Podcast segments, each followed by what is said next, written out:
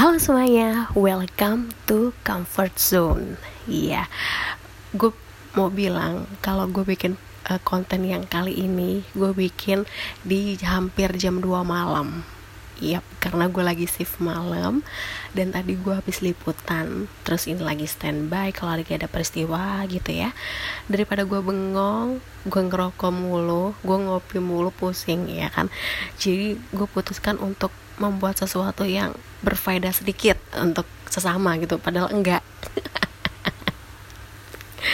Jadi um, mumpung lagi malam kayak gini gue pengen balik lagi ke cerita-cerita horor yang pernah gue alamin. Ya seru nggak tuh? Seru ya.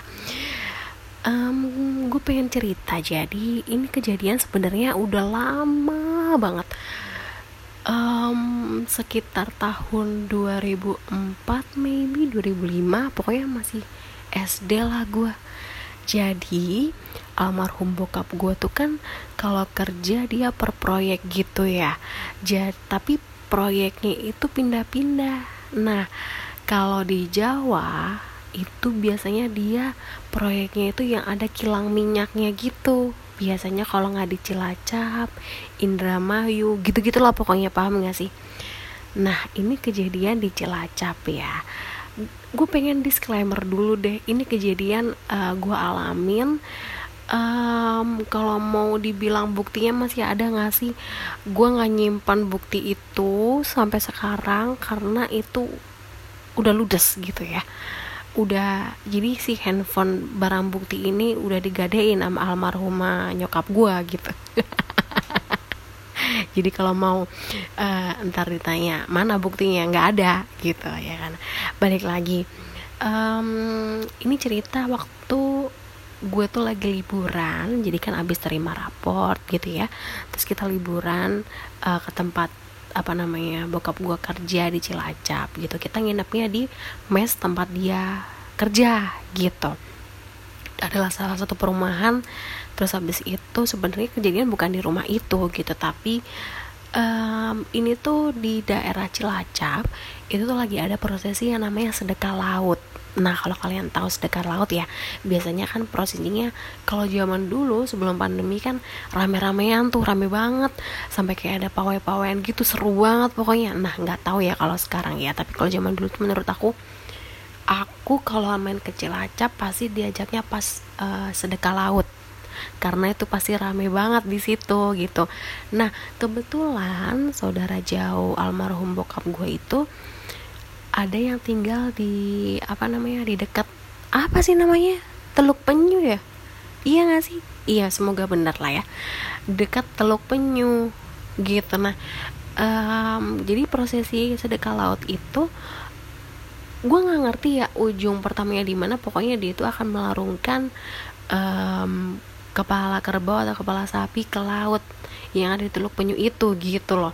Nah terus mampirlah kita ke rumah uh, si bude ini gitu. Gue lupa nama budenya siapa karena itu saudara jauh saudaranya eh gue gue bingung ngomongnya gimana. Karena sejauh itu gitu loh maksudnya bukan saudara yang kayak sepupu banget gitu bukan bukan yang jarak. Cuman satu ibu tuh bukan gitu jadi jauh banget gitu. Budi siapa namanya lupa gitu. Pokoknya kita habis main ke Budi itu terus akhirnya kita lihat pawai itu gitu. Nah di situ gue tuh inget banget itu gue masih kelas 5 SD atau kelas 4 ya. Eh lupa lupa pokoknya. Pokoknya antara kelas 5 atau kelas 4 SD itu gue udah dikasih handphone Nokia 3200 itu menurut gue handphone yang lumayan canggih karena itu udah ada game bounce-nya tau gak sih game bounce yang apa namanya bola orange? Terus ada level-levelnya gitu. Itulah itu paling favoritnya gue gitu. Nah di situ gue foto-foto lah. Pawai-pawaian itu kan seneng ya wak. Ya namanya juga um, ada rame-ramean gue foto gue foto gue foto gitu. Di situ gue nggak ngerti ya namanya juga masih bocah. Ternyata memang uh, dari kepolisian ada intel-intel yang menyamar-nyamar gitu lah pokoknya. Sampai akhirnya handphone gue tuh hilang. Nah sebelum handphone gue hilang gue tuh ngelihat sosok yang menurut gue tuh cantik banget. Ya lo tau lah ya daerah itu daerah laut selatan juga. Dan kalau boleh jujur gue ketemu Ratu Kidul atau Nyi Roro Kidul gitu. Um, gue nggak bisa deskripsiin banyak karena ada beberapa hal yang cukup rahasia menurut gue gitu. Um, kalau boleh dibilang biasanya ya kalau gue browsing atau ngelihat lukisan-lukisan orang dia tuh pakai baju hijau. Hijau ya kan. Terus uh, pakai kayak paes. Paes tuh apa ya riasan riasan pengantin Jawa gitu ya. Terus pakai kebaya gitu pakaiannya ya kan. Pokoknya Jawa banget gitu. Yang gue lihat nggak jauh beda dari itu kenapa gue yakin itu dia? Yang pertama nih gue ngelihat dia tuh benar-benar di tengah air. Dan kalau boleh jujur nih ya dia benar-benar di atas air dan dia itu lagi naik apa namanya kereta kencana dia. Itu yang bikin gue kayak loh itu beneran gak sih? Sampai gue tuh sempat lepas dari orang tua gue terus gue mendekat ke area yang cukup dekat air gitu ya di dekat pantainya. Apa gue meyakinkan diri gue sendiri itu beliau bukan sih gitu. Paham gak sih? Jadi kayak gue sepenasaran itu gitu. Karena menurut gue itu kejadian yang cukup langka. Nggak semua orang bisa ngelihat paham gak sih kalau kata teman gue yang indigo anak indigo aja belum tentu bisa ngelihat dia every single dia main ke laut selatan gitu. Terus akhirnya nggak lama setelah itu gue potret dong karena gue sekepo itu. Gue potret cekrek pakai Nokia 3200 punya gue. Setelah itu gue balik ke nyokap gue sempat diomelin jangan lari-larian hilang karena itu kan keadaan rame banget ya kak ya nah setelah itu nggak lama setelah itu handphone gue hilang ternyata. Udah tuh gue nangis segala macam karena itu menurut gue itu handphone canggih banget. Gue kalau mau digantiin belum tentu dapat yang kayak gitu lagi gitu. Bisa jadi downgrade gue nggak ngerti ya. Terus habis itu udah kita pulang ke mes uh, almarhum bokap gue gak lama setelah itu selang pokoknya itu kita kelar uh, sorean terus um, ditelepon lah sama pihak kepolisian. Itu abis maghrib pokoknya menjelang isa itu ditelepon kalau ternyata handphonenya ketemu.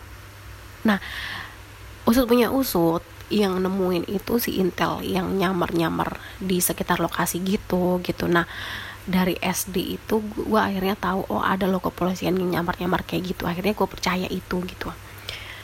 Terus akhirnya udah tuh kita meluncur lah ke Polres mana tuh. Gue nggak ingat. Pokoknya kita ke kantor polisi aja gitu ya. Sampai sana gue cek bener nggak ini handphonenya? Oh bener ternyata case-nya masih mirip. Dan kartu kartu simnya sim cardnya itu masih nempel jadi gue posisi ngecek handphonenya itu masih nyala dan posisi belum lowbat. Karena kan ya maklum lah ya kak. Nokia itu tahan baterai eh apa apa namanya baterainya awet banget gitu lah ya. Terus habis itu gue cek dong. Yang pertama gue cek adalah galeri.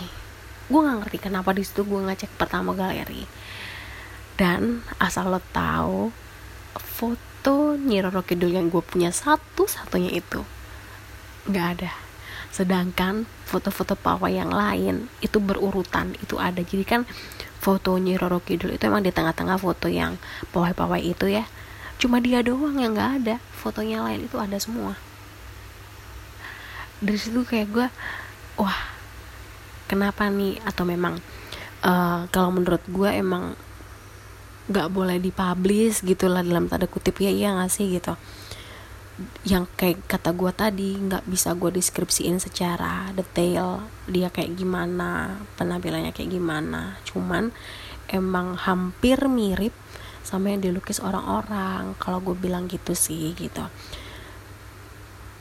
Nah menariknya ketika gue udah dewasa nih gue kan kuliah di Jogja ya kan dan di Jogja itu memang ada pantai selatan juga Parangtritis gue coba ke sana ketika ada acara-acara adat gitu ya. Gue nggak bisa ngeliat dia lagi. Gue nggak bisa um, dia nggak memunculkan wujudnya lagi gitu ke gue gitu. Dan gue bersyukur banget sih di sini kayak itu sesuatu hal yang langka gitu gue akhirnya bisa uh, ketemu sama Nyiroro Kidul yang diceritain orang-orang cuman dari dongeng, dari film gitu-gitu. Dan ketika gue di Jogja, gue nyoba itu ternyata nggak bisa ya. Gue jadi mikir itu tadi gitu mungkin uh, beliau cukup sekali aja orang-orang tahu gitu atau gimana. Gue juga gak ngerti ya karena kan gue anak indigonya anak indigo yang bukan gue nggak gue jujur gue nggak yang mengasah ilmu itu gitu. Jadi gue apa adanya aja kalau gue ngelihat ya gue ngelihat kalau gue ngerasa ya gue ngerasa. Jadi gue nggak pernah yang pengen nambah sesuatu dalam diri gue gitu. Ya udah nih Tuhan kasih ini ya gue bersyukur gitu sih. Jadi gitu nggak terlalu serem kan ya menurut gue tapi menarik karena ini um, kejadian cukup langka gitu menurut gue